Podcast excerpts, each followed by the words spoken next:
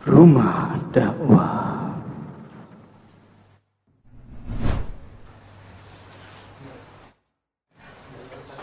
Ya, bismillahirrahmanirrahim. Assalamualaikum warahmatullahi wabarakatuh. Alhamdulillahirabbil alamin.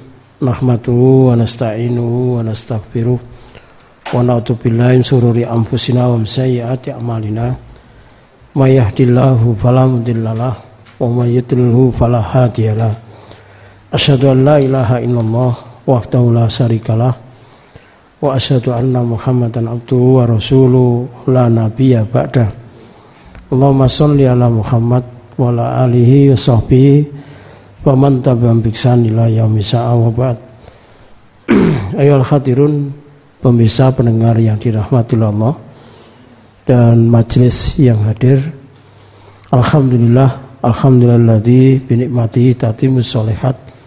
Kita masih mengucapkan ungkapan rasa syukur yang sempurna karena besarnya nikmat yang diberikan oleh Allah bulan suci Ramadan yang sudah berlalu sebagai bentuk uh, rasa penghambaan kita kepada Allah yang besar yang mudah-mudahan itu menjadikan Allah swt tambah ridho dan khususnya di kajian sore ini yang ditakdirkan yang kita khusnudan bahwa takdir ini atas ridhonya Allah taala. Sehingga mudah-mudahan jenengan yang terhubung ya mendapatkan ridhonya Allah Subhanahu wa. Dan tidak ada yang lebih membahagiakan seorang hamba kecuali ridhonya robnya kepada dirinya. Yang itu bisa memberikan pengaruh besar dalam hidupnya, memberikan keberkahan dan mudah-mudahan khusnul khotimah dan mudah-mudahan nantinya dimasukkan ke surganya Allah Subhanahu wa taala. Amin. Bapak Ibu saudara-saudara yang dirahmati Allah, kita masih membahas tafsir surat Al-Baqarah ayat berapa? 216. Saya ingin ingatkan sekali lagi bahwa kajian kita bukan uh, apa kejar tayang atau kejar target. Artinya yang penting habis bukan. Tapi kajian kita lebih menitik beratkan apa? Pemahaman dan harapan terbesar adalah perubah perubahan. Karena itu kita tidak dituntut untuk terburu-buru, tidak dituntut untuk memaksakan diri. Dalam arti yang penting selesai, yang penting selesai bukan. Tapi sejauh mana bahwa apa yang kita pelajari ini mengundang ridhonya Allah Subhanahu wa taala. Jadi yang lebih penting adalah apa yang kita ya kaji bersama khususnya apa yang saya jelaskan itu tidak keliru karena mewakili hak Allah dan Rasulnya lebih dari itu semoga ini menjadi pengantar Allah memberikan hidayah taufik pada kita semuanya Amin. Khususnya dalam apa? Menata jiwa, menata emosi, menata apa? Rasa. Manajemen apa ini? Manajemen jiwa, psikologi. Manajemen rasa. Manajemen apa? Emo, emosi. Yang diharapkan bahwa materi ini ya ini nyambung kan ya dengan kemarin nyambung Nyambung? Nyambung apa enggak? ini mencurigakan ini. Kalau ditanya nyambung tapi prefrontal korteknya ini tanda tanya. Wis, lanjut aja. Nyambung gak nyambung nyambung. Nanti nggak selesai-selesai materi ini. Artinya antum dituntut untuk mereview merojaah kajian kemarin supaya nyam nyambung bahwa materi kita ini sebetulnya arahnya agar kita ini ya selalu ridho dengan Allah Subhanahu wa taala. Itu satu. Kaidahnya ya.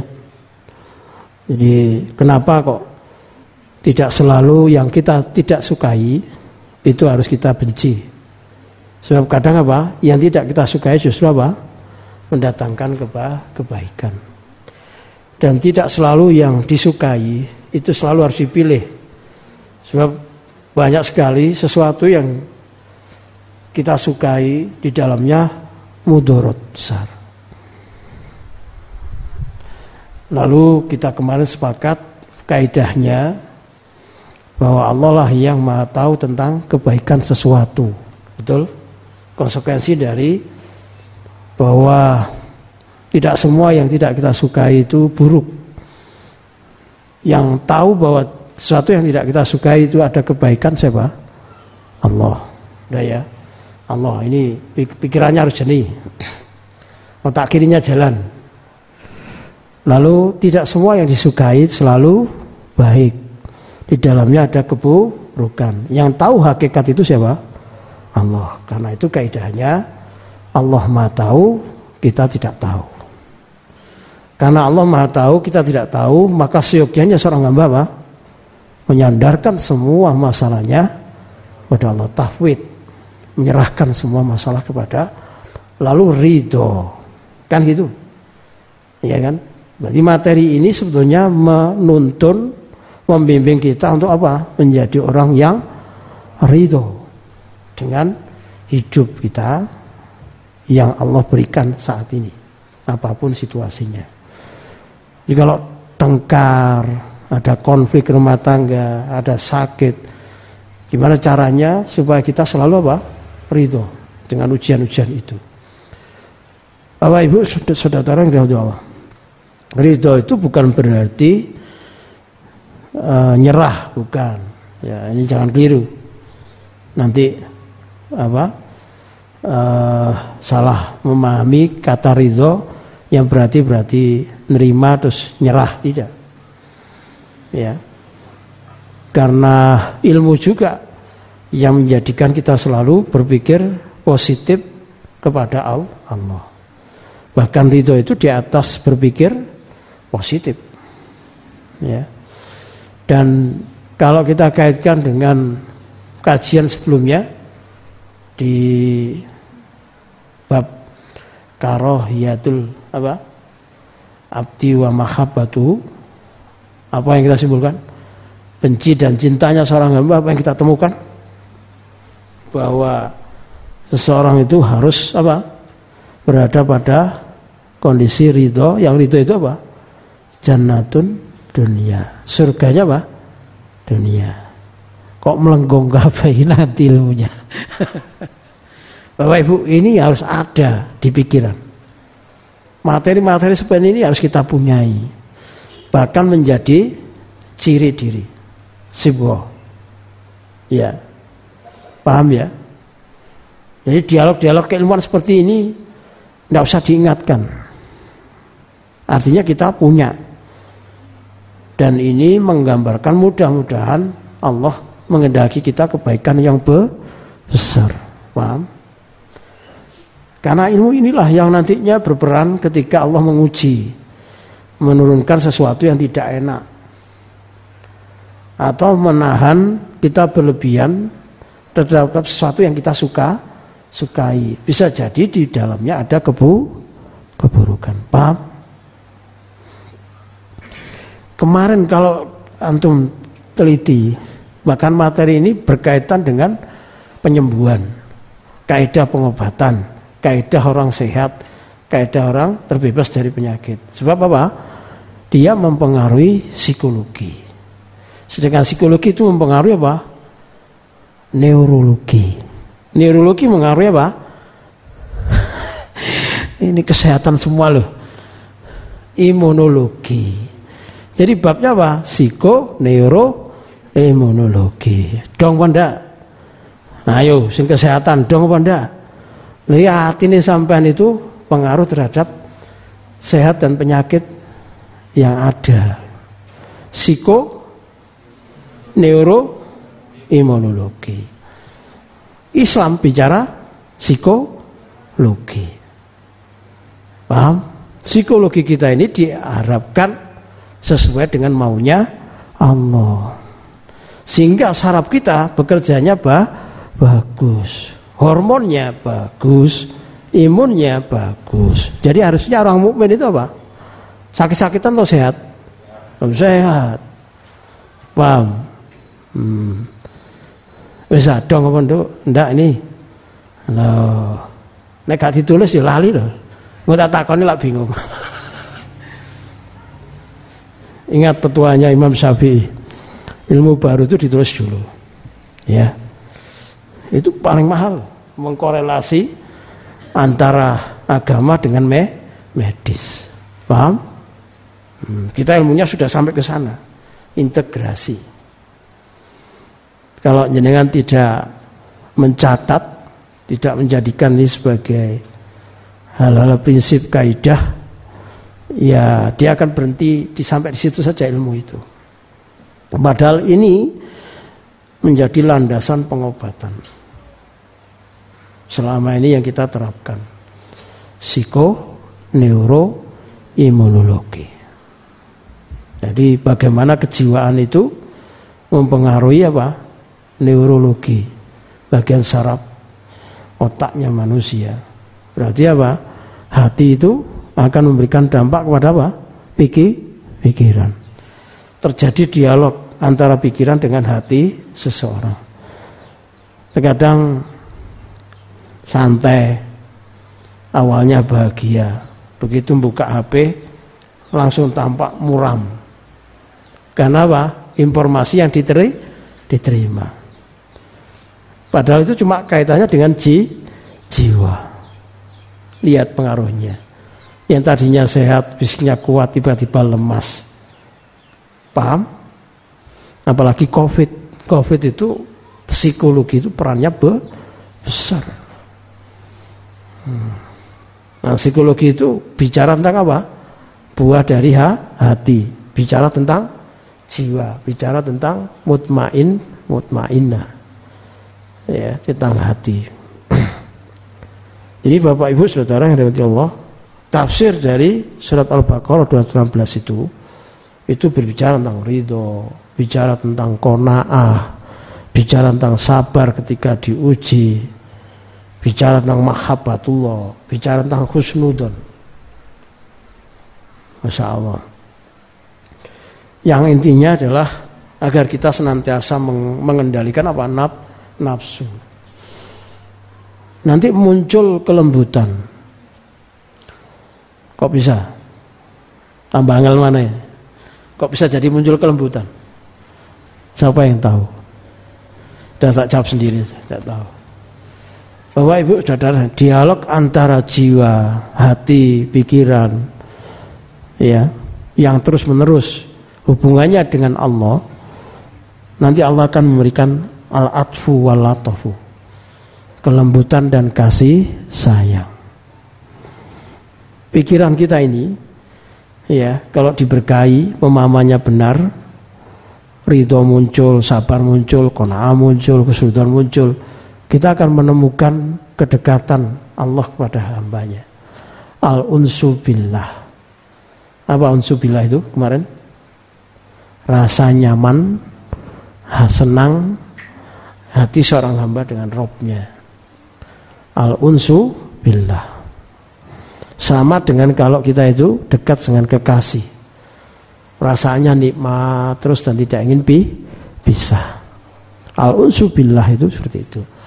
Al-unsu billah itu seperti Rasulullah waktu di gua. Di gua sur. Di situ ada siapa? Ada siapa? Nah, sahabat Abu Bakar. Sahabat Abu Bakar apa yang terjadi? Takut. Takut Takutnya bukan dirinya, takut apa yang menimpa Rasul ditenangkan oleh Rasulullah. Ditegur, la tahzan innallaha ma'ana. Loh, pengaruhnya tauhid itu di situ. Kenapa Rasulullah kok bisa memberikan penjelasan seperti itu? Menasihati Abu Bakar seperti itu kenapa? Karena dia tahu tentang Allah, tentang tahu tentang Allah. Pengaruh hidup itu bau besar. pengetahuan kita tentang Allah. Antum saya ajak berpikir tentang masalah asas ini, ma'rifatullah. Ma'rifatul asma wa sifat. Yang kata Ustaz Khalid kemarin apa menjadi pondasi semua bangunan ibadah. Cara berpikir ini dipengaruhi dari apa? Ma'rifatullah. Pengetahuan kita tentang Allah, tentang nama-nama, tentang sifat-sifat Jadi ngaji tauhid itu sangat penting. Karena itu didakwakan oleh Rasulullah berapa? 13 tahun kurang lebih. Materi ini materi tazkiyatun nafs, tapi substansinya apa? Substansi tauhid. Apalagi kita bicara psiko, neuro, imunologi. Quran itu bicara tentang apa? Psikologi manu, manusia. Yang manusia itu punya psikologi. Quran itu psikologi. Quran itu sumber dari materi keji, kejiwaan. Nah, ini kalau dibedah dijadikan skripsi sudah bisa. Studi literatur, satu tema saja bisa jadi lulusnya sarjananya sese, seseorang, apalagi yang jurusan tarbiyah, pendidikan agama, bisa. Di sini Islam sudah bicara tentang psikologi sejak dulu. Jadi bukan berarti Islam tidak punya psiko, psikologi. Islam justru bicara psikologi jauh lebih awal. Udah ya? Supaya tidak mengembang ke sana kemari balik nang kitab ngono. Itu pengantar yang tidak kalah pentingnya. Kemarin di antara kaidah memahami tafsir surat Al-Baqarah 216 kita mendapatkan apa? Petunjuk apa? Tulis buka lagi. Jika seorang hamba mampu menyerahkan seluruh urusannya kepada Allah dan ridho ya lalu Allah akan apa memberikan bantuan. Berupa apa? Satu kekuatan. Kedua azimat ya tikat terus kemudian dan ketiga empat dihindarkan ya dari kekeliruan putusannya nah empat ini dipegang. Nanti kalau antum konsul sama saya itu tak balik dok wis. Wis ayo mari lu konsul mbak aku Ono kajian wingi ora ngono wis. Terus pilihane sampean pilihane sapa?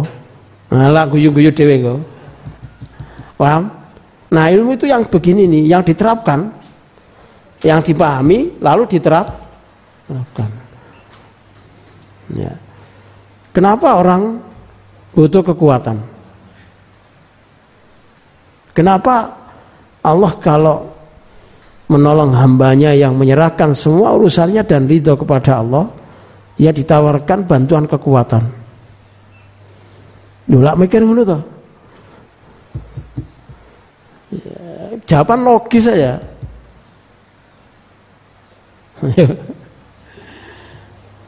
ya. Jawaban hadis ya boleh. Ayo jawaban logis apa? Ayo. Ya karena manusia pasti lemah. Bapak Ibu saudara yang berarti Allah, tidak ada satupun perintah Allah kalau kita bisa menjalankan kecuali butuh keku, kekuatan. Kekuatan untuk menjalankan. Apakah orang itu sehat ataukah orang itu sakit? Ada tidak orang sakit tetap bisa taat? Yang menjadikan bisa apa? Ada kekuatan. Kekuatan meskipun dia sakit. Ada tidak orang sehat tapi tidak kuat? Ada. Hmm. Artinya bahwa kekuatan selama ini kita beribadah pada Allah dari mana datangnya? Dari Allah. Terus boleh tidak kita mengklaim? Hmm. Lagi-lagi kan dosa mana ya?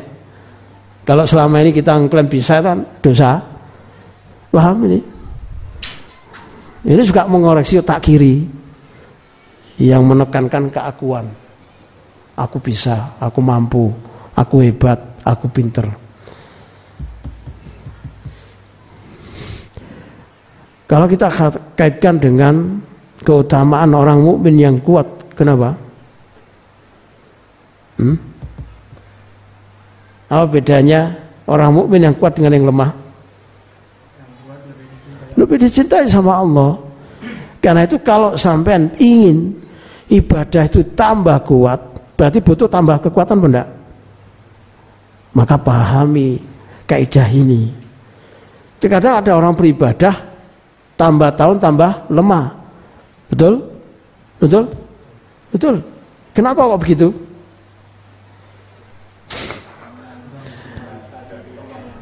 Karena dia salah mengklaim datangnya kemampuan kekuatan itu. Dan itu dosa sendiri. Sekarang dicabut sama Allah. Tujuannya apa? Supaya dia menyadari selama ini yang membuat kuat ibadah itu hanya Allah. Lho iki nek diwonceki ngajine iso dua. Ora mari-mari ora barbar. Tapi justru itu kadang yang membuat kita dong. Nah, betul? Hmm, detail, jeli, masuk. Orang wungkul itu tapi bingung aplikasinya. Paham Bapak Ibu? Betapa lemahnya diri kita ya, kalau tidak ditolong oleh Allah, kita tidak kuat melakukan keta ketaatan, apalagi menjauhi larangan. Dan ini menjadi pilar ubu dia. Yang mana pilar ubu dia itu? Lus. Bingung mana? Orang tahu mikir gini ya. Pilar ubudiyah itu ada dua. Hubun kamil wadilun tam. Di mana itu berarti? Di zillun tam. Dia apa? Perasaan rendah yang sempur. Jadi nek tambah ibadah itu tambah apa? Tambah rendah, tambah hina. Oh, tambah donga. Sampai niso kita bisa karena ditolong oleh ini loh kaidahnya. Ulama yang luar biasa dekat sama Allah menulis. Ya. Jadi, dan kalau antum ikut kajian ini, antum itu diajari nembus satu peristiwa, satu kejadian, satu amal, satu ibadah, dibaliknya dua, tiga, empat, lima kali lipat bisa menembusnya. Jadi ini sebetulnya kajian apa? Pikiran orang tua-tua, sepuh. Ini sampai sing enom diajak mikir seperti orang dewasa, tokoh besar. Salah satu keberhasilan Muhammad Al-Fatih itu karena di level ini. Tidak menjadi pemuda biasa. Jadi pemuda tapi sudah ukurannya seperti usia 40 40 dewasa. Matangnya memahami haknya Allah Subhanahu wa taala. Nah ini penting ya. Penting sekali. Kalau antum paham ini, paham pengobatan, paham penyembuhan. Paham? Paham pengobatan, paham penyembuhan. Lalu bicara azimat. Azimat itu apa? Tekad. Tekad itu bicara apa? Men mental. Ternyata kuatnya fisik seseorang itu mempengaruhi mental mentalnya, kejiwaannya. Di sini disebutkan apa? Kekuatan terlebih dahulu. Lalu mempengaruhi keji, kejiwaan. Lalu ditutup di, dilanjutkan dengan apa? Kesabar, sabaran. Sabar itu paduan dari semua potensi kita. Kita punya ilmu, punya fisik, punya jiwa, punya harta, semua pengalaman kita kita bangun untuk apa? Memenuhi konsep apa? Sa, sabar. Paham? Baru yang terakhir ada hal-hal buruk yang kita tidak tahu yang itu semata-mata bisa uh, menghilangkan, menjauhkan, menghindarnya hanyalah Allah Subhanahu wa taala. Jadi potensi manusia jatuh pada kesalahan itu 24 jam. Kapan itu? Jika dia mengandalkan diri sendiri. Kalau gawe ini stres dewi. Setelah ditelusuri, bulat pikirannya dewi. Padahal ya rana apa-apa. Nah kok iso dadi ngono? Mereka tidak ngerti Allah Subhanahu wa taala. Paham ini? Betapa penting memahami haknya Allah Subhanahu wa taala. Dan Bapak Ibu saudara yang dirahmati Allah, terakhir Allah akan tunjukkan farahu apa min husni awakib ikhtiyari lahu Allah akan tunjukkan bagusnya apa pilihan Allah kepada kita entah di awal kita bisa nembus entah di tengah kita bisa nembus atau baru selesai atau bahkan bertahun-tahun baru nyadari oh dulu itu saya sebetulnya diselamatkan oleh Allah Subhanahu wa taala. Kenapa kok bertahun-tahun? Karena kurang apa? ilmunya. Guru jangkep ilmu nih. Kuat apa semangatnya ilmunya ku kurang. Orang iso nembus. Bayangkan keilmuan ini itu diberikan Allah kepada siapa? Imam Malik rahimahullah. Begitu melihat muridnya Imam Syafi'i nembus. Jajal sampean dulu anak sampean dia dewi nembus apa? Ayo lihat anak kecil sih didelok apa? Ya ora ketok apa-apa. ketok coklat, ketok putih kulit tok. Ketok mancung apa ora, ketok gadung apa ora. Kalau Imam Malik melihat Imam Syafi'i langsung keluar apa hikmahnya itu apa muka safa tingkatan orang disingkap apa hijab antara hati dengan robnya. Karena apa? Karena keilmuan seperti ini. Karena apa? Orang itu terbiasa mengandalkan siapa? Allah Subhanahu wa taala. Jadi Bapak Ibu, ibadah itu butuh apa? Kekuatan, butuh azimat, butuh sabar, butuh kita terhindar dari kekeliruan. Paham ini? Untuk tahu semuanya itu apa yang harus dipenuhi? Menuntut il, ilmu. Subhanallah, luar biasa. Ya semoga kita diberikan oleh Allah semuanya ini. Amin.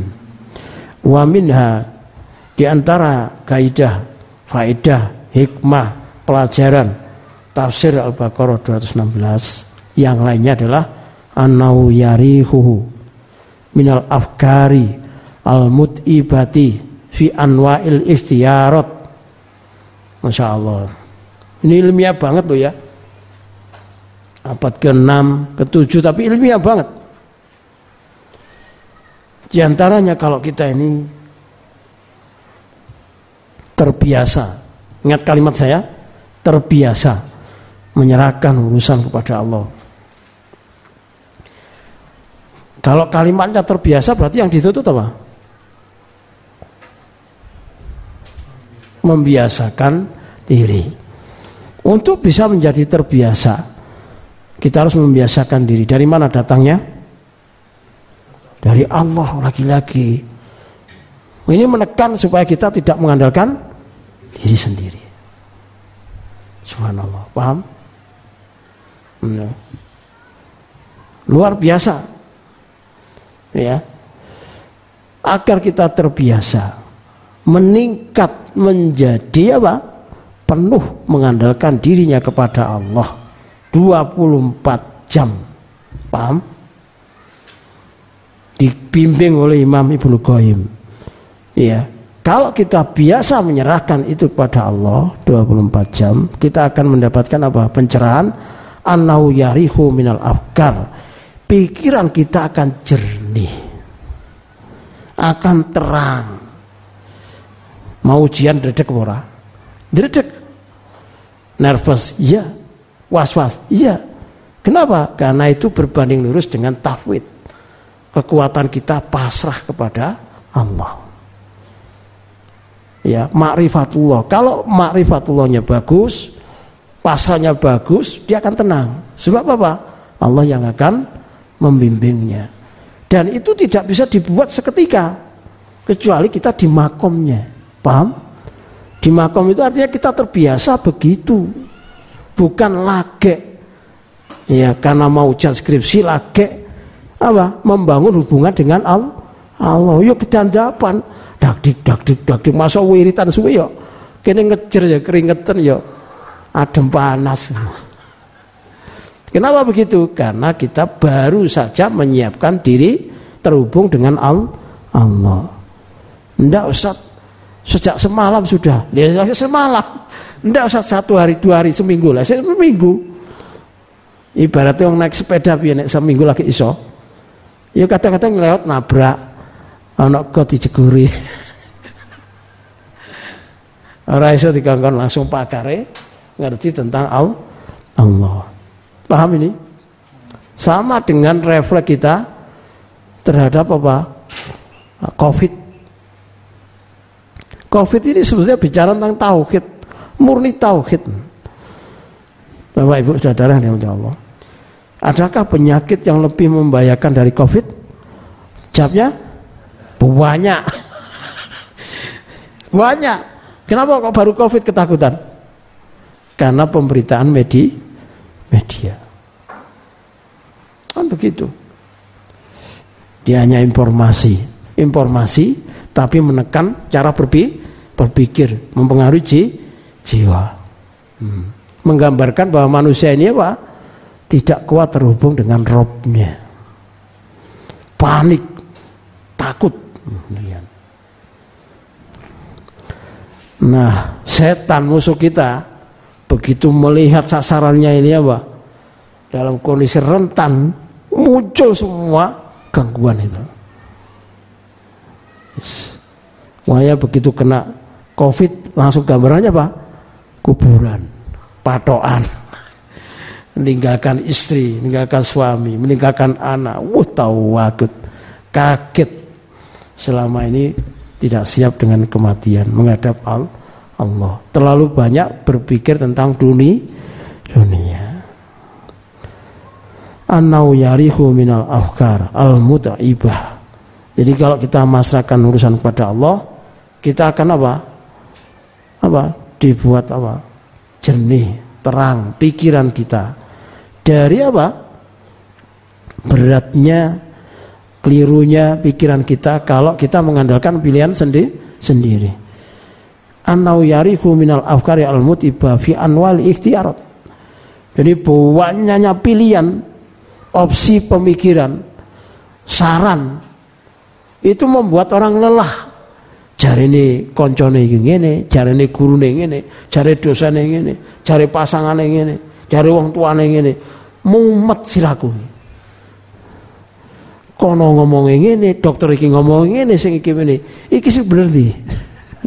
Saya ada pasien itu, empat dokter spesialis itu resepnya beda, pendekatan penyakitnya beda. Dituku KB. Pasien ini saling ngomong, dok, ini dokter ini ini, ini dokter ini yang mana? Sementara dokter satu dengan yang lain saling menafikan. Stres enggak itu? Ini akan terhindar kalau kita pasrahkan semua masalah kepada Allah.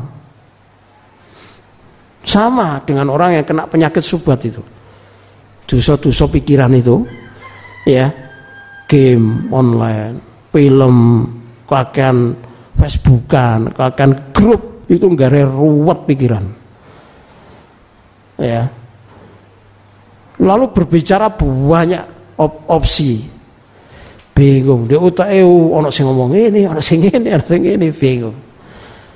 Kenapa begitu? Karena orang itu terpapar pembiasaan mengandalkan diri sendiri. Atau terpapar penggunaan otak dalam maksiat kepada Allah Subhanahu wa taala. Jadi otak itu kalau dibuat maksiat, tiga mikir api itu susah. Bang. Karena enggak pro Allah. Biasa pro apa? Naf, nafsu. Jadi bingung. Bahkan di antara pasien-pasien itu, ya mengambil petunjuknya di internet. Pasien itu loh, ya ada pasien itu stres. Ibunya itu kena sihir. Ini ya ceritanya. Berobat ke kiai gak iso. Ya dukun apa mana ya gak iso. Terus dia sendiri berdoa baca Fatihah sekian kali untuk supaya ibunya sembuh. Hasil akhirnya ibunya tetap mati. Apa yang terjadi setelah itu? Mengumpat ke Allah. Allah tidak sayang sama ibu saya. Paham? Ini kan wajar karena jahil. Terus bentuk kekecewaannya dituang di internet. Dipangan mbek setan internet. Masuklah apa? ke satanisme. Karena dia menghujat Allah. Satanisme itu kan menghujat Allah. Iya kan gitu. Akhirnya dilirik, dipekerjakan. Ini pasien yang terjerumus pada satanisme, dipekerjakan. Ya, paham maksud saya? Di otaknya sudah full saya setan.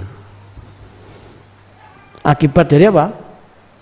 Tidak menyerahkan urusannya kepada Allah mengandalkan diri sendiri, apalagi suudon sama Allah. Udah ya? Berjalanlah dia menjadi apa? Penganut satanisme. Bahkan pekerjanya. Kalau dia berhasil merusak akhwat ya, wanita yang berhijab, maka dia akan dikasih, dikasih uang. Waktu itu 30 juta per bulan. Ini kalau ada yang masih ingat pasien ini saya bawa ke Banyuwangi. Masih ingat tak? Nah, ya, karena dia harus diburu oleh satanisme. Kalau membongkar ini targetnya ma mati. Paham? Malah berhasil dia. Begitu berhasil menjatuhkan iman, ya wanita muslimah dipoto, dikirim. Lalu ini cerita bongkar satanisme. Lalu pihak satanisme menjanjikan apa? Fee-nya, gajinya. Dari mana tidak perlu tahu, nanti kamu temui orang ini, kamu minta akan terima fee. Kok bisa orang ini terhubung sama kita? Karena mengalami kesurupan. Dia itu pemuja setan. Di kontraannya itu pemuja setan. Ini akibat belajar tanpa guru. Menuang emosinya di inter internet. Bahayanya seperti itu. Kenapa? Mengandalkan diri sendiri. Terus gak ilmu, nuduh Allah macam-macam. Bingung. Karena itu saya nasihatkan jangan melemparkan masalah pribadi apalagi keluarga di internet, di grup. Ya, jaga kehormatan pasangan, jaga kehormatan orang tua, kehormatan diri. Bawa masalah itu kepada Allah Subhanahu wa taala. Ya. Sebab banyak kejadian kerusakan itu ditimbulkan karena apa? Salahnya menuang problem masalah yang dihadapi di internet, di grup. Lahir pihak ketiga. Lahir pahlawan kesiangan. Lahir ustadz gadungan. Sok dalili nanti nunggu bola mun muntah. Plek wis disikat. Kasus perselingkuhan dari situ. Ngeri ini? Berangkat dari cara otak, kerja otak yang keli, keliru, subhat. Sinau ini nang internet toh. Tidak ada. Ya. Dasar dibenarkan orang belajar gurune sapa? Internet. Sapa sing benerno? Sapa sing ngoreksi? Internet. Jadi yang ngoreksi siapa? Dirinya sen sendiri. Cocok pakai, nggak cocok dibuang. Apa ukurannya? Apa filternya? Banyak kasus anak rusak itu dari internet. Datang pasien, pasien tok. Saya cerita pasien rusak-rusak ini, tapi sudah selamat, ya, sudah sembuh. Dikirim dialog sama saya, semua Tuhan itu dibahas di depan saya. Semua agama menurut dia benar. Kalau saya membela Islam, itu kan menurut Ustadz ngono. Kena apa ini? Aliran apa? Liberal. Tak delo ideologi. Habis itu tak simpulkan di otak sampean iku jine macam-macam. Ku waket ya. Nah sing tas ngomong mbak aku jin liberal. Wah iki jin Nasrani, oh iki jin PKI, ngono jin macam-macam. Ku waket langsung kedandapan. Dia tanya, apa di otak saya banyak jinnya satu? Wakeh. Singkatnya dia perlu diislamkan lagi. Bayang loh. Dia sudah lama tidak ngijak masjid, tidak sholat. Ngeri situasinya. peteng wajahe sembunyi cekelane ha, HP maksiat dengan HP ketemu saya takut minta ampun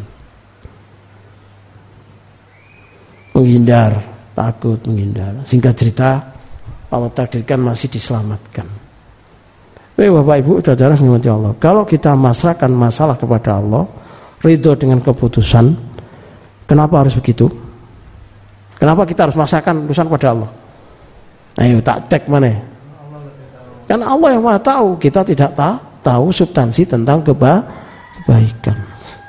Maka kita akan jernih berpikir, terbebas, terang dari apa? Beratnya pikiran kita karena terlalu banyak apa? Pilihan, opsi. Tak ceritani lagi, ada lagi kasus yang lebih aneh. Ya. Aneh ini masuk masih masuk barang unik langka, manusia langka masa unik ada kasus pasien tadinya kuliah di Jakarta. Sekarang sopo di Jakarta kan banyak ya. Tahu-tahu dia resign. Orang tuanya tidak diberitahu. Beritahu sudah dia meluncur meninggalkan kampus. Dikejar. Dikejar sampai dicegat di kereta itu, di stasiun.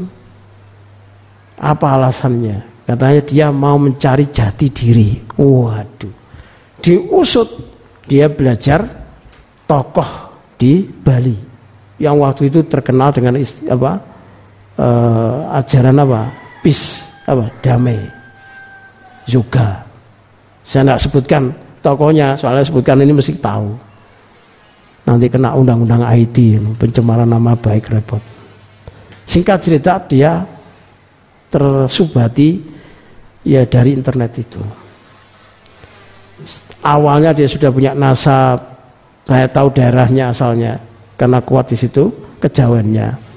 Sampai akhirnya dibawa ke sini. Lalu di sini dia ngaku di dalam dirinya ada tuh Tuhan. Langkah toh. Ya. Harusnya ini di apa? Dibawa ke MUI lalu disahkan oleh MUI. Tuhan sudah ada di dalam tubuhnya Nah, di umat Islam di Indonesia gak perlu menghadap ke kiblat, ngedepi di dia. Selendro enggak? Parah enggak itu?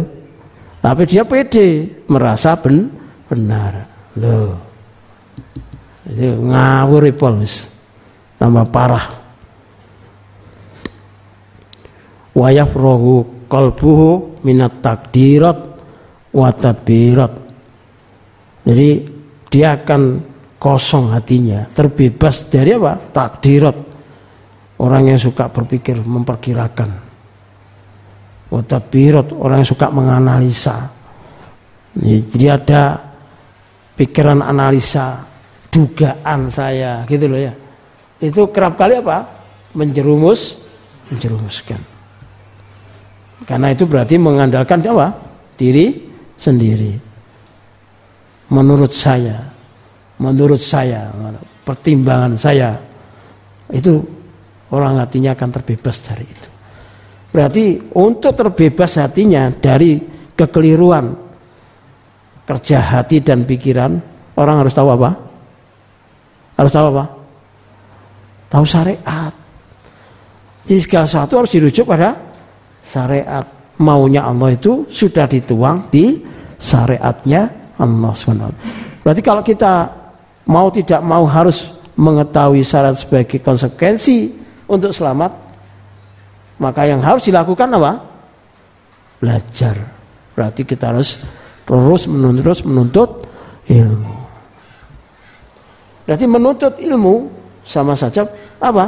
potensi kita sel selamat hati maupun pikiran karena itu Rasulullah SAW menyandarkan Allah kalau mencintai yang banyak apa? yufaqihu fiddin. Coba gimana ini? Kalau kesimpulan akhirnya tanda cintanya Allah kepada hambanya dipahamkan agama, berarti apa konsekuensinya?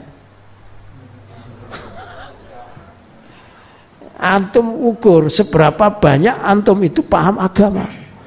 Maka di situlah antum diukur ridhonya Allah, kehendak baiknya Allah pada diri. Paham? Nah, yo piye nek ngono? Ngenes apa ndak? Ya ngenes. Kenapa? Karena kita tidak banyak tahu tentang agama. Sebelum saya ngaji itu, saya berpikir antara apa yang kita sampaikan, kita kaji dengan yang akan kita dalami. Yang kalau kita belajar itu nggak ada habisnya. Sampai kita mati, peninggalan ulama itu tidak akan pernah selesai untuk dibaca. Wong ngaji paragraf iki ping pira? Oh, mari tebel sak mene kitabe. Iki sejak kitab. Wong kitab iku akeh. Paham maksud saya? Maka jangan berhenti untuk menuntut ilmu agama. Mudah-mudahan itu sudah menjadi syarat Allah apa?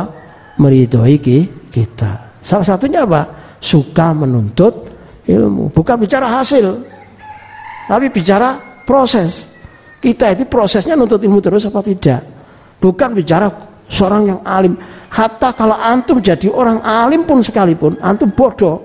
Sebab apa? Semakin banyak tahu, semakin bodoh dari apa yang sebelumnya tidak diketahui dan semakin banyak yang belum diketahui. Apa mana gak ngaji? Apa mana gak kena belajar?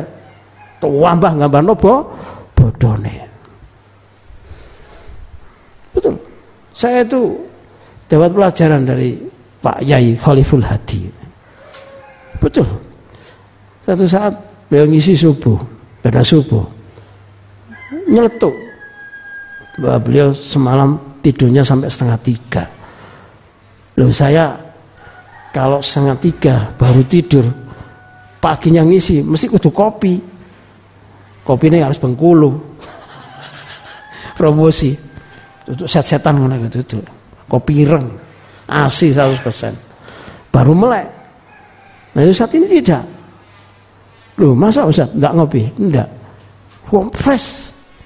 Itulah kehidupan para ula, ulama. Paham? Paham?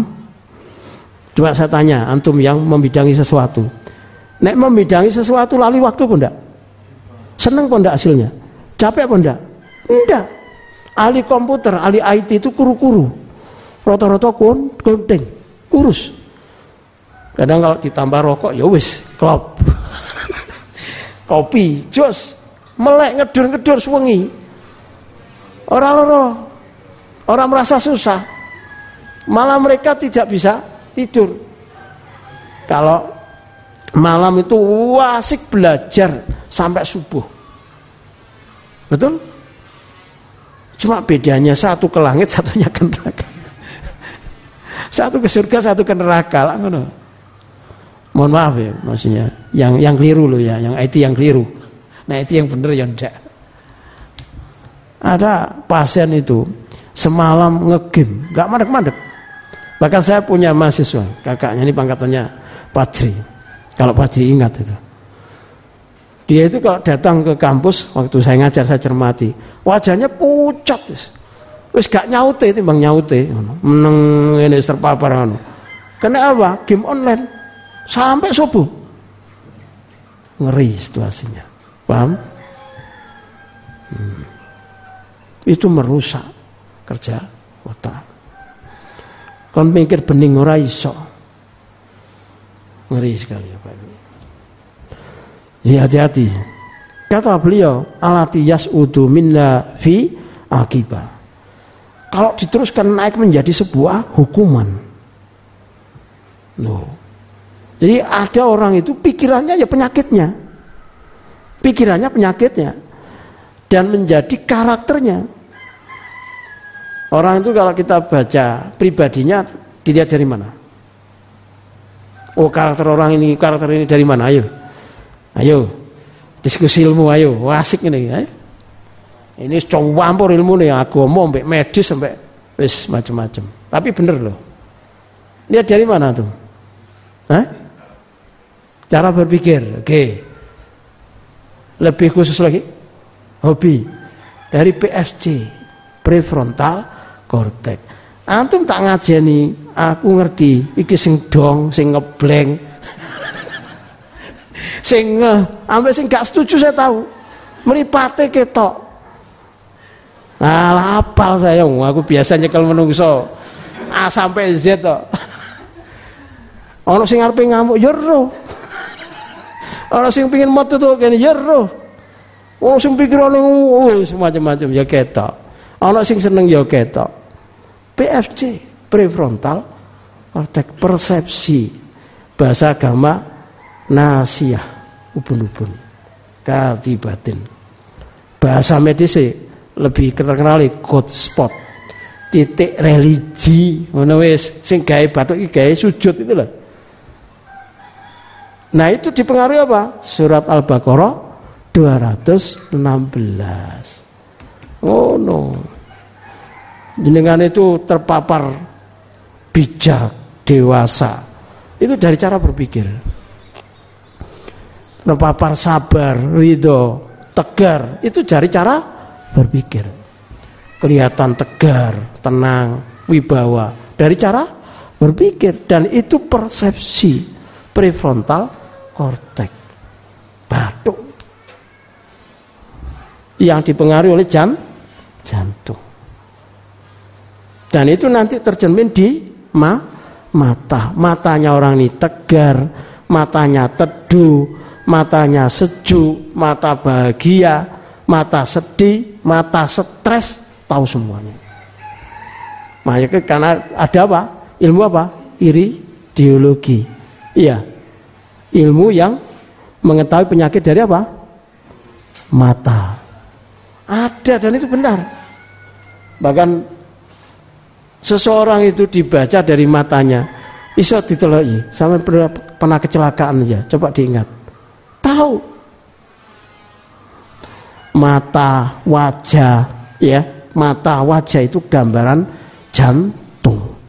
Gambaran psikis seseorang gambaran dari hatinya, gambaran apa yang direbus oleh jiwanya. Paham? Maka muncullah di wajah itu.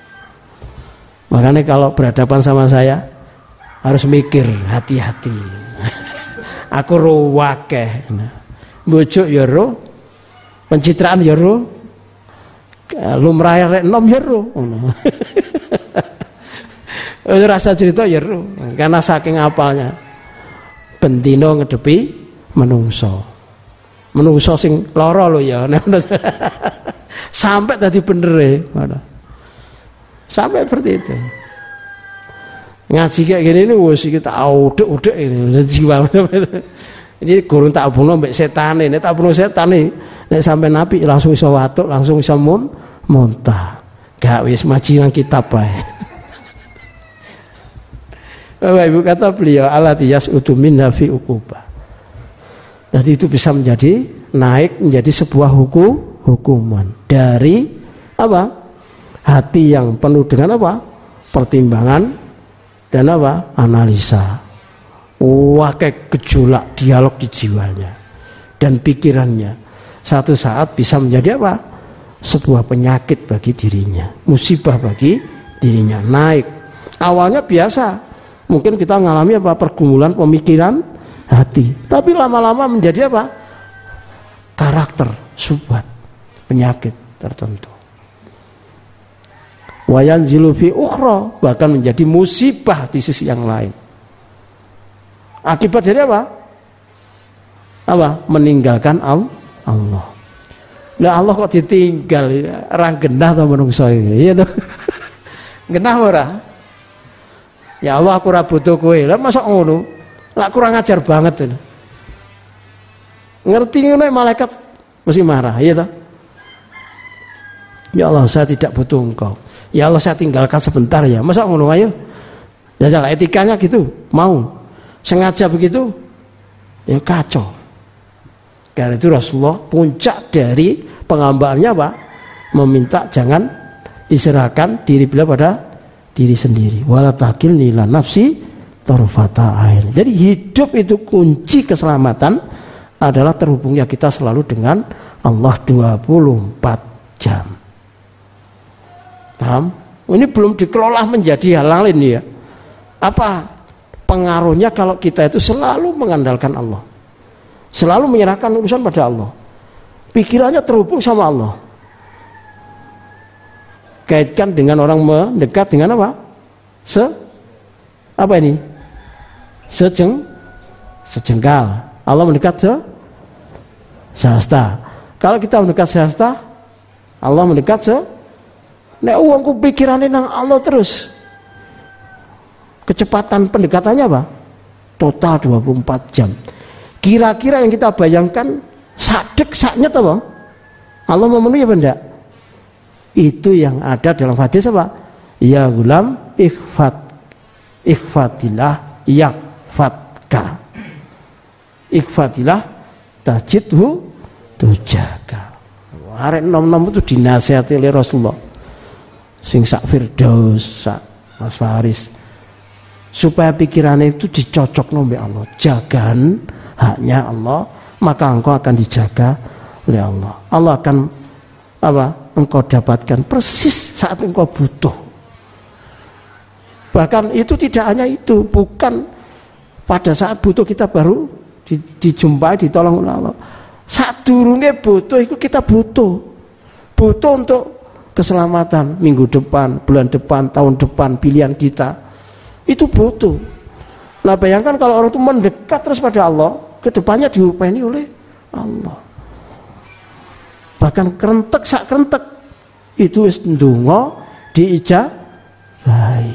Paham? Paham? Dengan catatan apa? Antum tunduk betul. Ojo anggang-anggang. Ojo kepeksa. Tunduk betul. Apa? Dilutam. Menghinakan diri. Orang pantas ngandalno diri. Orang ngerti apa-apa. Dosa. Istighfar. Sebaliknya mengagungkan Allah. Kalau tidak merujuk pada Allah, sebuah penderitaan jiwa. Itu. Ojo terpaksa. Awalnya terpaksa. Ya. Terus dicoba, belajar, belajar. Akhirnya sampai menjadi sebuah karakter kepribadian. Masya Allah. Nah, mohon kepada Allah untuk sampai di level ini. Apa tadi? Kerentek sak kerentek. kerentek itu loh. Ono pintu, nek arep ditutup tutup itu. Kret ngono, gurung dah durung. Kerentek sak kerentek. Tahu kerentek? Lintasan geraknya hati. Terus buatin itu langsung di wenehi Enak ndak gitu? Uh, Masya Allah. Belum lagi rasanya lezat.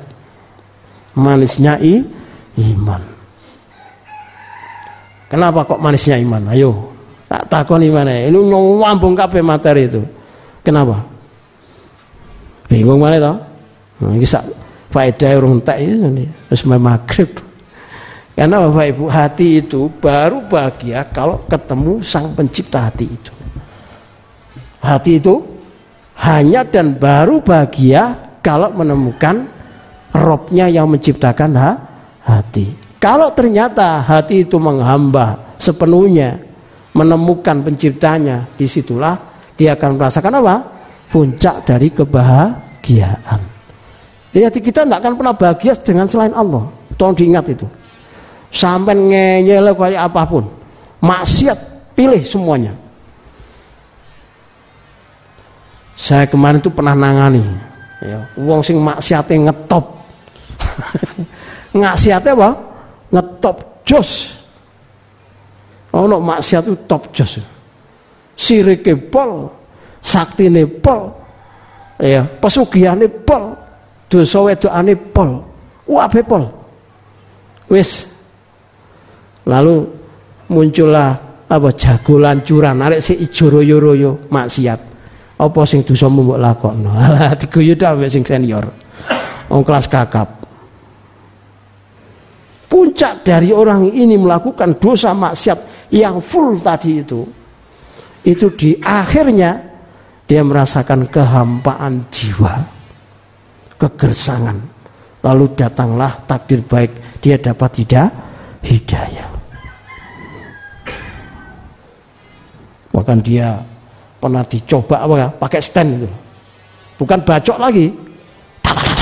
itu. Loh, wes ini kayak loh. Waktu itu bersama Yes, satu korps. Ya, aku gak nyebut pak. Jadi korps ini pembinaannya itu salah satunya dari orang sakti tertentu dikasih ilmu, dites pakai apa? Stand. Dan dia termasuk yang lolos. Ya ada tembus. Segoro kidul wis digulek ya sampai nyiroro kidule di cawuk-cawuk ditarik wis dan macam-macam. Semaksiati pol. Bapak Ibu, ya. Kalau orang belum mengalami, kadang kan koyok-koyok maksiat tuh enak. Iya kan gitu. Al-Ladat al-Yasiro. Kemarin kan sudah kita bahas. Tapi nek didalani terus memang suatu saat akan jenuh orang itu. Dengan maksiat toh. Zina itu suatu saat jenuh. Akhirnya LGB, LGBT. LGBT jenuh.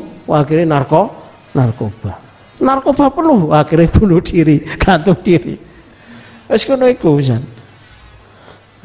ngeri situasinya baik ya wa ma'ahada karena itulah fala khurujulahu amma qadaru alaihi. Ya dengan semuanya ini seorang hamba tidak akan pernah bisa keluar dari ketetapan tadi itu. Dengan tadi yang buruk-buruk itu. Kecuali apa? Dia kembali menyerahkan urusan itu kepada Allah lalu ridho. Walau ridho bi ikhtiari lai asobal qadar wa wa mahmud.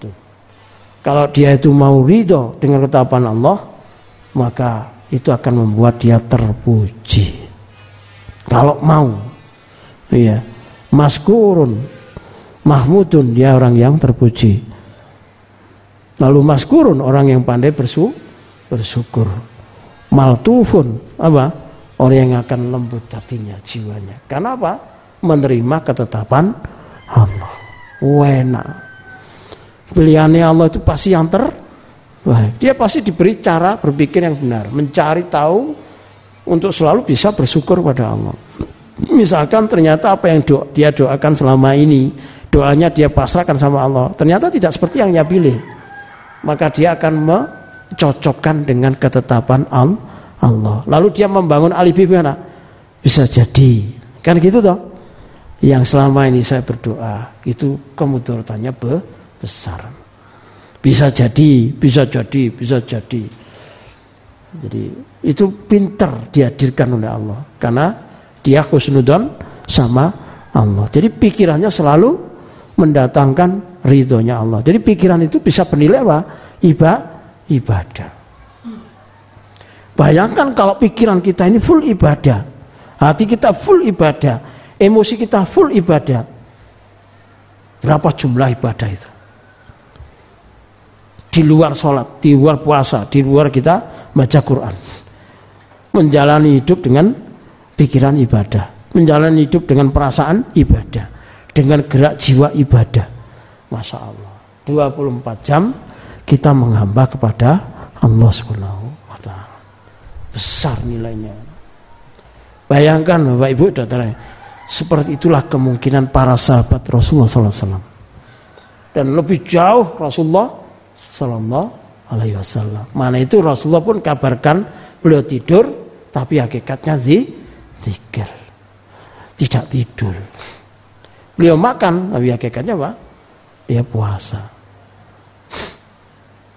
ada yang tidak sama antara Rasulullah dengan umatnya manusia biasa itu kelasnya Rasul Rasulullah SAW kata Imam Nugaim dalam kitab Fawaid bisa jadi ada orang yang sama-sama duduk di samping antum tapi jiwanya ada di sekitarnya arsnya Allah pikirannya.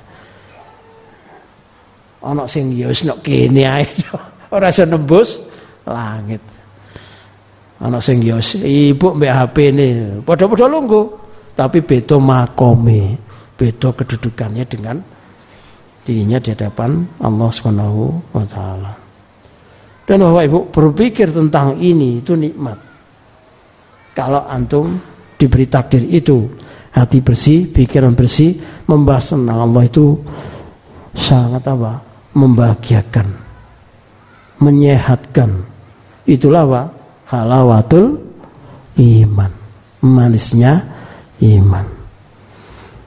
Paham? Bahkan dalam semua perintah itu ada rasa. Dalam sabar itu ada rasa. Dalam ridho itu ada rasa. Dalam syukur itu ada rasa. Iso beda no rasane. Oh, nek terbiasa apa ya iso? Oh, rasa saja belum muncul Ustaz. Apalagi rasakan perbedaannya. Bapak Ibu ketika saya sebutkan sabar, ketika saya sebutkan syukur, ketika saya sebutkan ridho, itu ada makna yang tidak sama. Sabar dengan ridho itu beda. Syukur itu be beda. Mahabbah itu beda. Ketundukan itu beda. Masing-masing itu punya rasa. Ini kan harus bisa ke sana. Untuk bisa ke sana, jauhi maksiat itu satu. Sebab maksiat itu yang menjadikan lemahnya fisik seseorang, mengamba. Lemahnya jiwa, mentalnya dalam mengamba. Nggak sabaran. Nek belajar itu rasa sabaran, nek ibadah ora sabaran, nek ngaji ya ora sabaran. Belajar ini nyekel kitab di lu es waleh, nyekel komik, oh sampai subuh. Main game, delok film sampai lali waktu.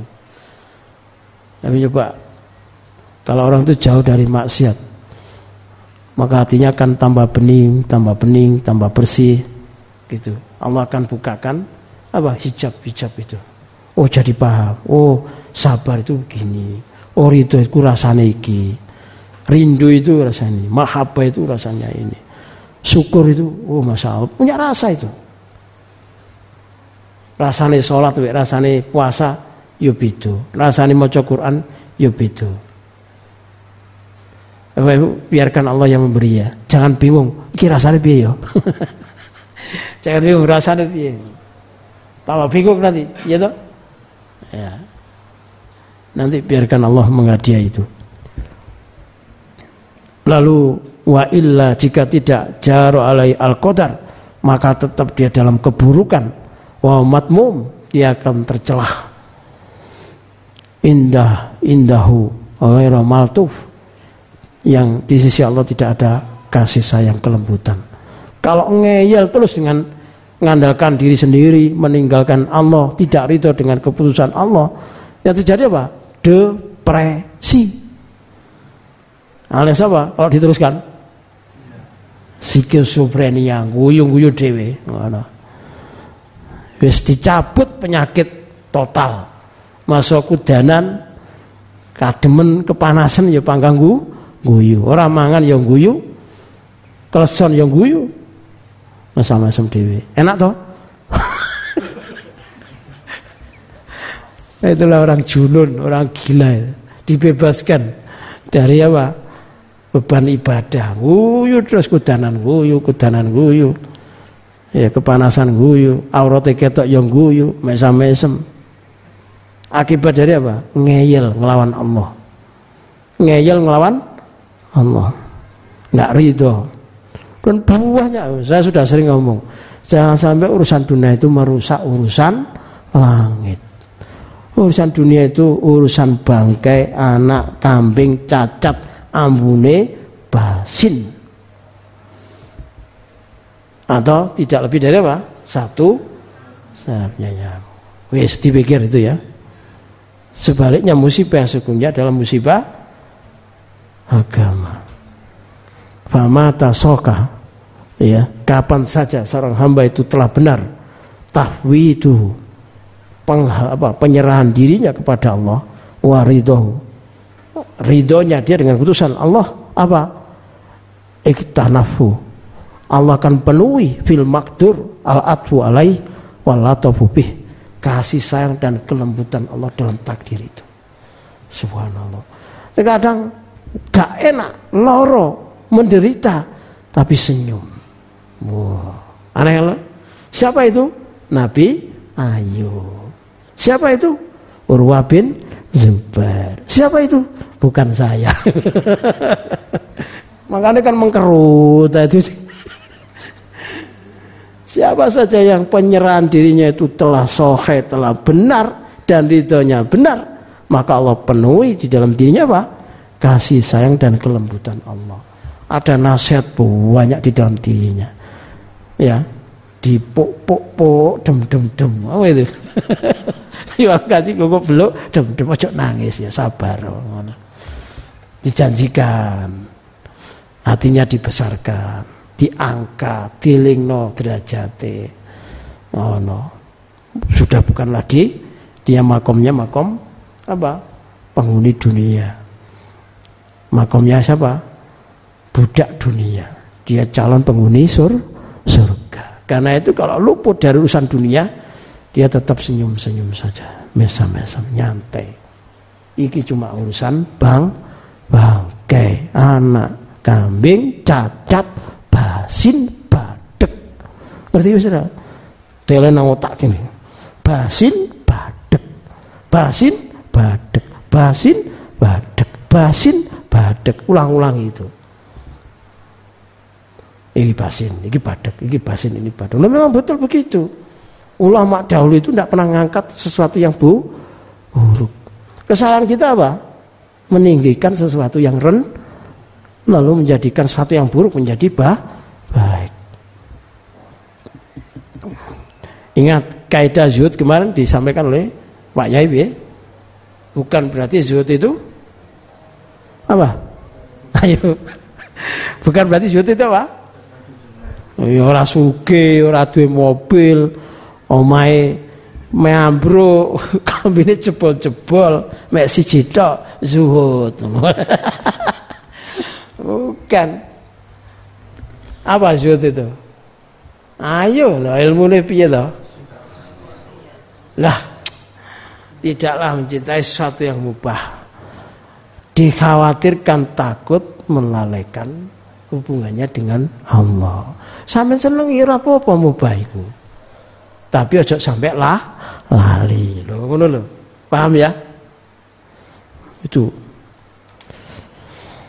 jadi ada kasih sayang, ada kelembutan. Di balik musibah Allah hadir, menenangkan, membuat sabar, menjadi kuat sabar, membuat ridho, menaikkan lagi menjadi ahli su, syukur. Husnudon, dibuang dari subat-subat. Subhanallah. Itu kelembutan Allah, kasih sayang Allah. Kadang kelembutan kasih sayang Allah itu mis sesuai. Saya sumpek, sesuai anak jawaban. Saya gak ada duit, besok dikirim bol.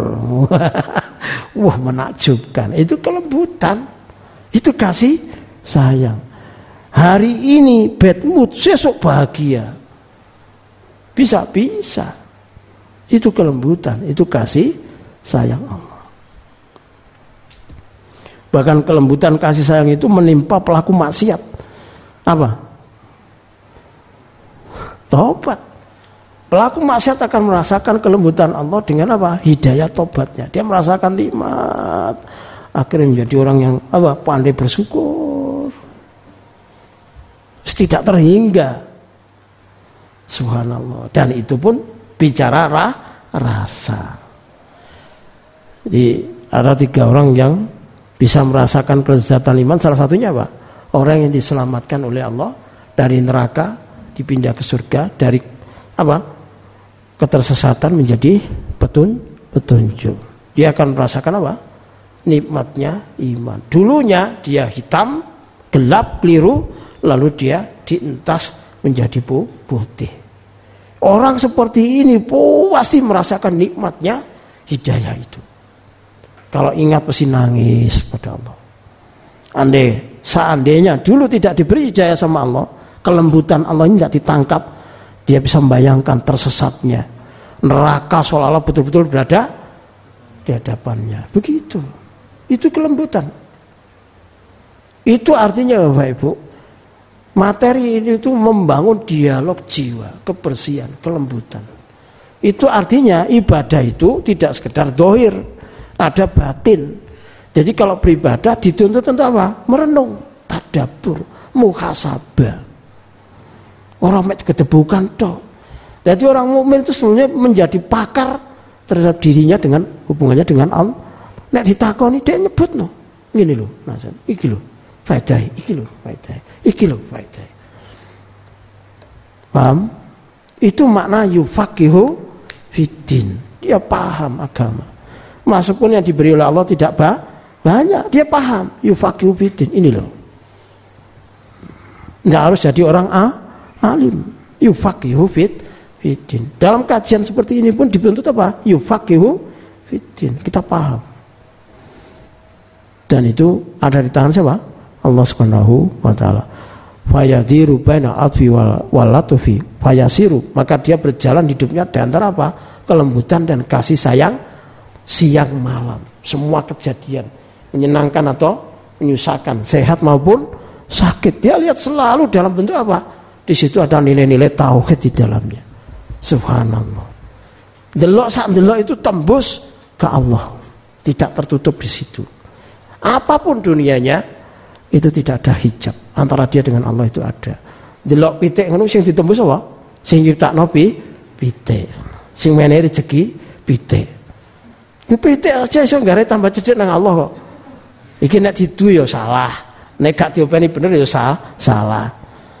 Loh, nek terlalu terlena dengan pitik ya du dosa. Nang koi ya dosa, nang cupang ya dosa. Aku apa kalau berlebihan jadi do dosa. Kaidahnya melalai melalaikan. Mubah tapi ojo sampai ngelalek ngelalek. No. Wah KTP tinggal ku deteksi malaikat. Jadi akate akad ke langit. Ibadah ibadah. Binatang yang apa? Disunahkan untuk dimiliki. Ayo tak dol piro iki, Nyambung-nyambung kitab. Fayasiru banyak atfi walatufi.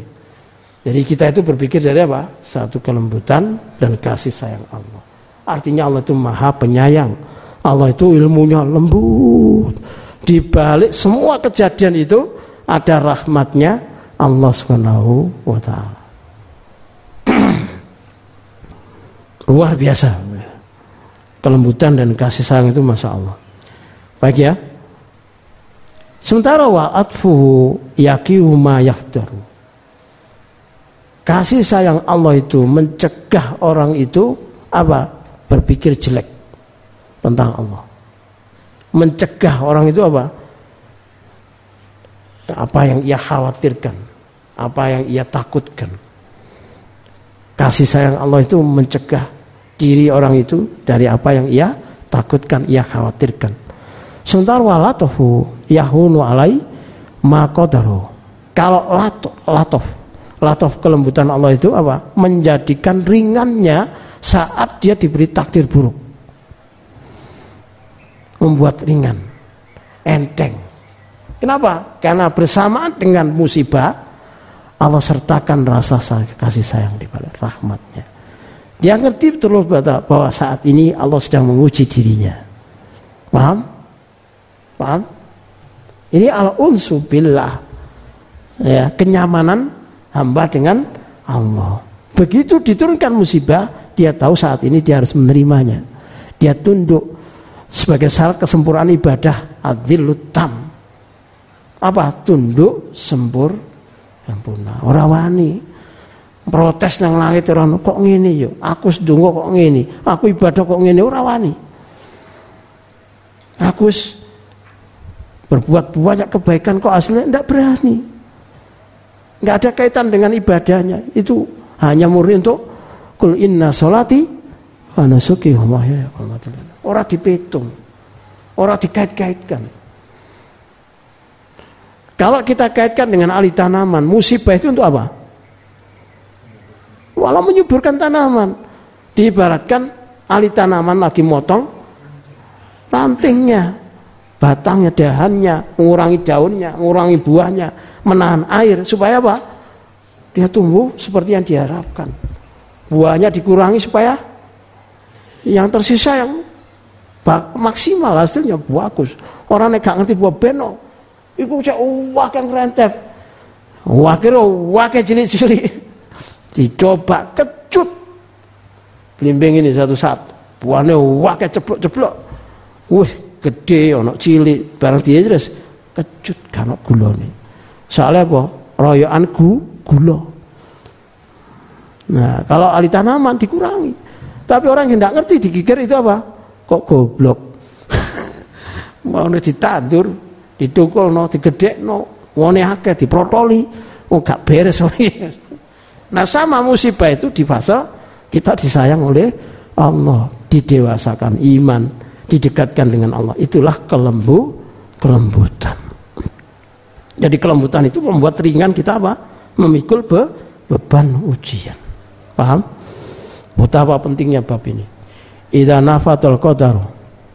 Jika takdir itu sudah terjadi bil abdi pada seorang hamba karena min a'dom adalah sebab a'domi asbab ter, sebab terbesar nufudu ya terlaksananya takdir itu tahilu firotihi bagaimana dia berusaha melepaskan diri atau sikap dia dalam mensikapi takdir itu jadi takdir ini dipicu oleh apa? Sikap kita terhadap ketetapan Allah Subhanahu wa taala. Karena min a'dami asbab nufud. Ya, yang menjadi sebab takdir itu diturunkan apa? Cara berpikir kita tentang musibah itu. Di antara kita ini ketakutan. Padahal musibah itu pasti Allah hadir hadirkan. Kenapa kok orang ketakutan dengan musibah? Saya yang jawab. Karena salah dalam mempersepsikan apa? Kebahagiaan hidup di dunia. Fala anfa lau mani apa? Minister Islam. Tidak ada yang lebih bermanfaat kecuali dia apa? Nerima. Menjadi sebab dicabutkan, dicabutnya takdir itu yang menjadi sebab terbesar apa? Penerimaan. Wa ilqa'i nafsahu jiwanya memaparkan menyiapkan diri baina yadai qadar tarikan kal mayit seperti apa mayit mayit seperti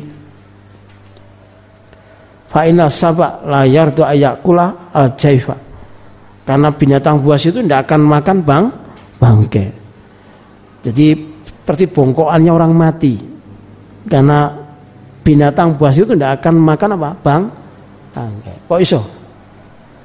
Padahal di Discovery itu kita lihat dari mau makan makan bangkai.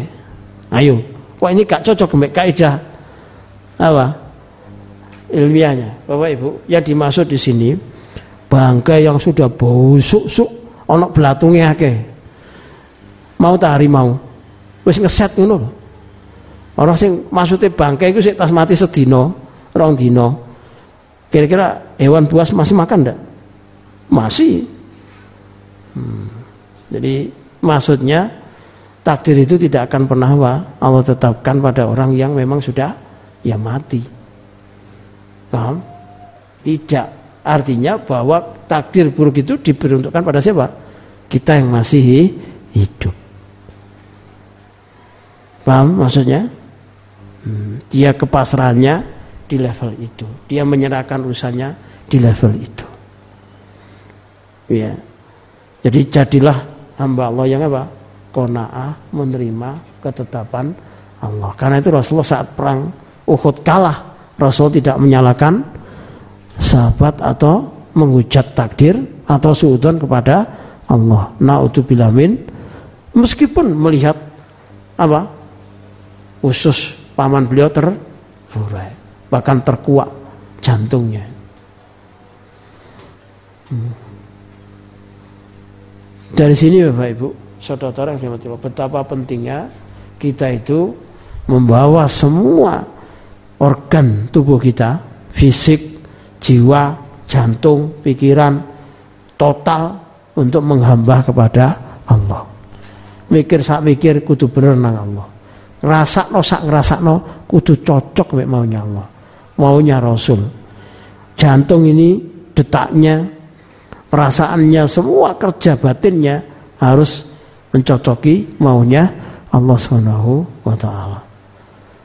Maka diharapkan dari sini mudah-mudahan Allah Subhanahu wa taala ri ridho. Allahumma amin. Bisa menyimpulkan? Ya, urusan menyimpulkan ditanyai bingung. Bapak Ibu silakan di apa? Dirangkum, diringkas, dijadikan kaidah-kaidah dalam kehidupan. Bahwa dalam menjalani hidup itu butuh kekuatan, butuh tekad, butuh sabar, butuh terhindar dari keburukan. Yang itu hanya bisa kita dapatkan kalau kita menyerahkan semua urusan kepada Allah lalu ridho. Tidak ada yang lebih bermanfaat kecuali apa? Menjalankan perintah Allah taala, menjauhi larangan Allah. Kenapa? Karena berarti di situ kesempurnaan kebaikan yang sempurna datangnya dari Allah. Menjalankan perintah berarti membawa hati, perasaan, segenap pikiran tubuh kita pada puncak dari kebaikan yang memberikan manfaat bagi tubuh. Lalu begitu juga menjauhi larangan. Itu menjadikan kita apa? Selamat dari berbagai macam keburukan. Buruk banyak. Dunia maupun akhiratnya. Wallahu alam bisawab. Ada pertanyaan? Selesai. Semoga ilmunya tidak selesai. Materinya ya selesai. Semoga ilmu ini bergulir terus besok membimbing kita terus sampai menghadap Allah Subhanahu wa taala. Ada pertanyaan? Tidak ada? Iya, silakan.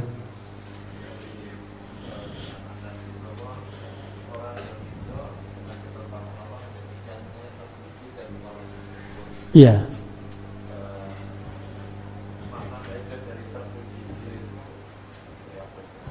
Jadi gini, orang yang menyerahkan urusan pada Allah, itu dengan ketetapannya, orang yang mahmudun, maskurun, maltufun. Orang yang terpuji, orang yang pandai bersyukur dan orang yang apa? dipenuhi dengan kelembutan. Orang yang terpuji, kenapa begitu? Karena semua kebaikan itu disandarkan pada siapa? Allah. Paham? Lalu apakah takdir buruk itu buruk? Hakikatnya? Nah, masih ingat dengan materi kemarin? Terkadang Allah mengemas obat itu dengan apa? Sesuatu yang pahit. Paham? Bisa saja kesannya bu, buruk, tapi di dalamnya apa? Tadi itu kaidahnya. Terkadang apa? Apa yang kita tidak sukai, qad ya'ti minal mahbubat. Datang di dalamnya ada banyak kebaikan. Sehingga kalaupun keburukan pun itu hakikatnya adalah kebaikan dan itu rahmat Allah dan Allah tidak pernah mendolimi maka orang yang menyerahkan urusan pada Allah orang yang ridho maka orang yang terpu terpuji. Kenapa begitu? Karena menyerahkan semua masalahnya kepada Allah. Husnudon kepada Allah. Tidak pernah sudon sama Allah. Mam masih ada pertanyaan dia akan menjadi orang yang terpuji kenapa begitu karena dia menyadari bahwa selama ini musibah itu bukan karena Allah mendolimi diri dirinya. Sama sekali tidak. Orang ini terpuji apa enggak? Ayo. Terpuji apa enggak? Ayo terpuji. Sementara banyak orang yang gagal merespon apa? Musibah. Dia tidak sabar, dia marah, dia stres, dia depresi, bahkan sampai gila, bahkan sampai bunuh diri. Paham? Hmm. Karena itu orang ini terpuji pada Terpuji. Kenapa orang terpuji? Karena selalu memuji Robnya, mengagungkan Allah meskipun Allah sedang menguji diri dirinya. Paham? Biasanya kalau orang selamat dari ujian itu dianggap sebagai orang apa? Pandai bersu bersyukur, maskur. Orang yang pandai bersyukur adalah orang yang paling terpu terpuji. Dia selalu pintar mencari alasan sehingga selalu bersyukur terhadap semua keadaan. Orang ini terpuji apa Terpuji. Paham? Pikirannya positif. Wallah alam. Itu saja ya kajian yang bisa kita bahas bersama. Semoga bermanfaat. Semoga yang baik dalam kajian ini diberikan Allah pada kita semuanya. Amin. Wallahu alam bisawab. Yang salah dari saya saya mohon maaf. Kita tutup subhanakallah hamdika satu alaihi lanta. Astaghfirullah wa atubu Assalamualaikum warahmatullahi wabarakatuh.